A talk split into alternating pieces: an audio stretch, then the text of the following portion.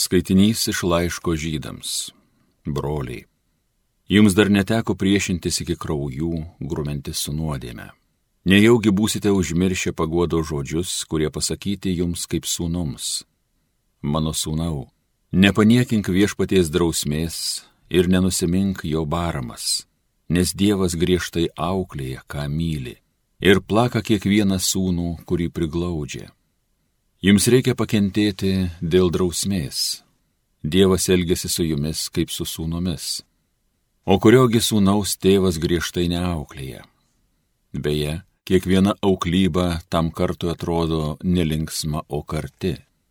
Bet vėliau jie atneš taikingų teisumo vaisių auklėtiniams.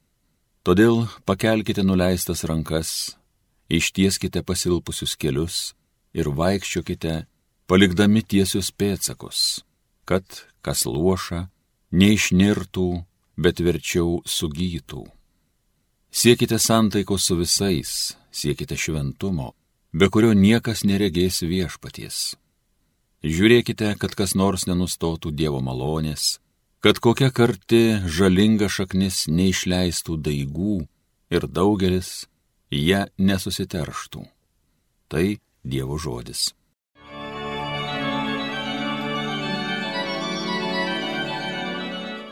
Viešpats amžinai gailestingas tiems, kurie jo šventai bijo. Tegu mano siela viešpatį šlovina ir visa, kas yra manyje, te garbina jo šventąjį vardą. Lai mano siela viešpatį šlovina, lai neužmiršta, kiek jis man gero padarė. Viešpats amžinai gailestingas tiems, kurie jo šventai bijo. Kaip tėvas gailisi vaiko, taip gailisi viešpats ištikimųjų. Jisgi supranta, iš ko mes padaryti, žino, kad esam iš dulkių. Viešpats amžinai gailestingas tiems, kurie jo šventai bijo. Bet viešpats amžinai gailestingas tiems, kurie jo šventai bijo. Ainių ainiams jis geras, tiems, kur jo sandoros laikos. Viešpats amžinai gailestingas tiems, kurie jo šventai bijo. Alleluja.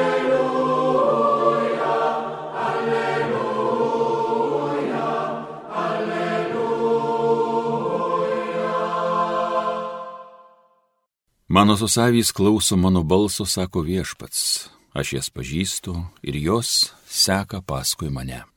Alleluja, alleluja,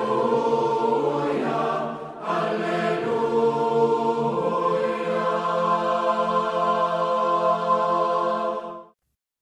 Iš Evangelijos pagal Morku. Išvykęs iš ten, Jėzus mokinių lydimas parkeliauja į savo tėviškę. Atėjus šabui, jis pradėjo mokyti sinagogoje. Daugelis, girdėdami, stebėjusi ir sakė, iš kur jam tai, kas per išmintis jam suteikta ir kas per stebuklai daromi jo rankomis. Argi jis nedailydė, ne Marijos sunus, Jokūbo, Jozės, Judo ir Simono brolis? Argi jo seserys negyvena čia pas mus? Ir jie piktinosi juo. O Jėzus jiems tarė, niekur pranašas nebūna be pagarbos, nebent savo tėviškėje tarp savo giminių ir savo namuose. Ir jis ten negalėjo padaryti jokio stebuklo, tik keliems ligonėms uždėjo rankas ir juos išgydė. Jis stebėjosi jų netikėjimu, ėjo per apylinkės, kaimus ir mokė.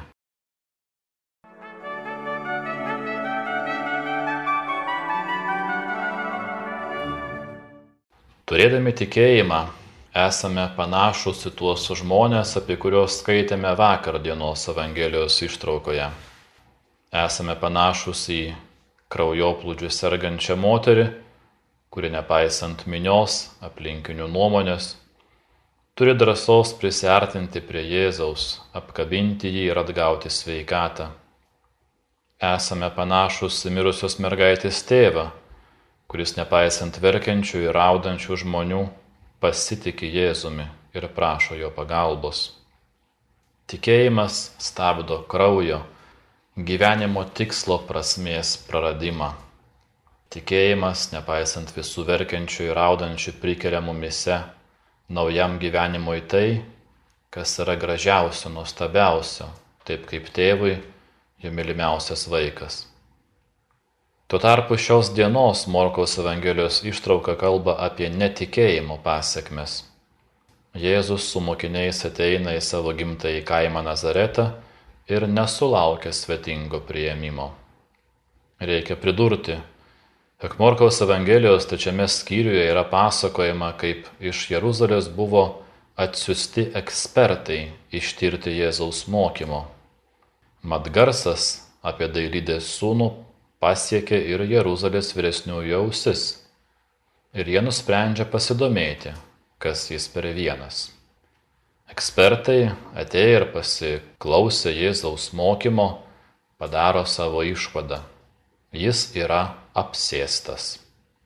Tai yra tas, kuris išvaro demonus, kurį piktosios dvasios vadina Dievo sūnumi, yra jų nuomonė demonų apsėstas.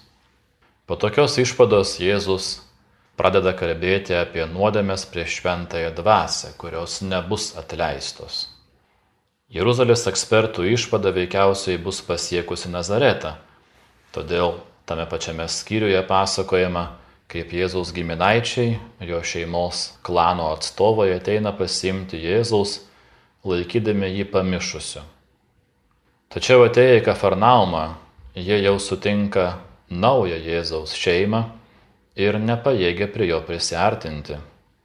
Jėzus atrodo tarsi nebūtų pasimokęs iš šių įvykių, keliauja į Nazaretą su savo mokiniais. Tai jau nebuvo mandagumo vizitas pas mamą ir tėtį, bet jis eina į Nazaretą kaip mesijas skelbti gerosios naujienos. Evangelistas Morkus šioje ištraukoje sumaniai sukryžiuoja dvi nuostabas - Nazareto gyventojų ir Jėzaus. Nazareto gyventojai stebisi Jėzaus žodžiais, negali suprasti, kas vyksta su šituo staliumi, kurį jie taip gerai pažįsta.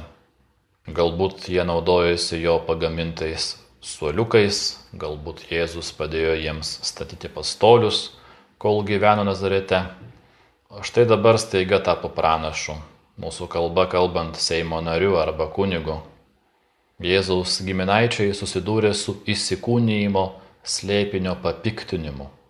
Dievas tapo pernelik artimas ir pernelik gerai pažįstamas, taip gerai pažįstamas kaip koks nors mūsų artimas giminaitis. Mums taip pat dažnai yra sunku atsispirti pagundai, susitelkti į kalbėtojo asmenybę, o ne į jos skelbimą žinę. Jei tą pačią žinę man pasakytų koks kunigas arba geriau vyskupas, na, tuomet gal ir paklausyčiau, bet kadangi tai sako mano tėvas, brolis, sesuo, žmona, vyras, tai argi tai gali būti teisinga? Kita vertus, kada yra skelbiamos krikščioniškos vertybės, tuoj pat atsiras kas nors, kas pradės rėkauti, rašyti komentarus apie nesažiningą kleboną, apie pedofilijos skandalus, apie kryžiaus karus ir panašiai. Taip, visa tai dėja yra buvę, nors taip neturėjo būti. Papiktinimai visuomet buvo ir jie yra, ir jie bus. Pats Jėzus kalbėjo, jog papiktinimai yra neišvengiami Bet visa tai nepakeičia fakto, jog yra nediskutuotinos, nenuginčiamos bendražmogiškos vertybės, kurias gina bažnyčia. Galiausiai tai nepaneigia mūsų tikėjimo fakto. Dievas yra tapęs Dievu su mumis, tokiais, kokie esame ir tokiems, kokie esame, panoros skelbti gerąją naujieną. Evangelistas Morkus su kartėliu rašo, jog Jėzus Nazarete negalėjo padaryti jokio stebuklo ir stebėjosi jų netikėjimu. Nazareto gyventojams trukdė ne vien tik tai, kad jie pernelyg gerai pažinojo Jėzų, bet taip pat ir jų vidinis kaimiškas, bet kokiai naujoviai uždaras mentalitetas, jų susigyvenimas su savo senom tradicijom, nuo amžių nusistovėjusiais papročiais bei nuostatomis ir supratimu apie religiją, apie Dievą neleido jiems priimti Jėzaus skelbiamos žinios apie dangaus karalystę. Šios dienos Evangelija kviečia mus atvirumui ir tikėjimui gyvų dievų. Gyvas Dievas, įsikūnijęs Dievas renkasi pačias netikėčiausias priemonės, labiausiai nelauktus asmenis savo gerosios žinios skelbimui. Tas jo netikėtumas, nenuspėjamumas pasireiškia per tuos asmenis, kuriuos mes labai gerai pažįstame, kartais net pernelyg gerai, kad galėtume tikėtis iš jų kažko gero. Leiskime šiandien Jėzui veikti mūsų gyvenime, išeikime iš savo vidinio kulukietiško uždarumo Leiskime kartu su juo į kelionę Dievo žodžio keliais.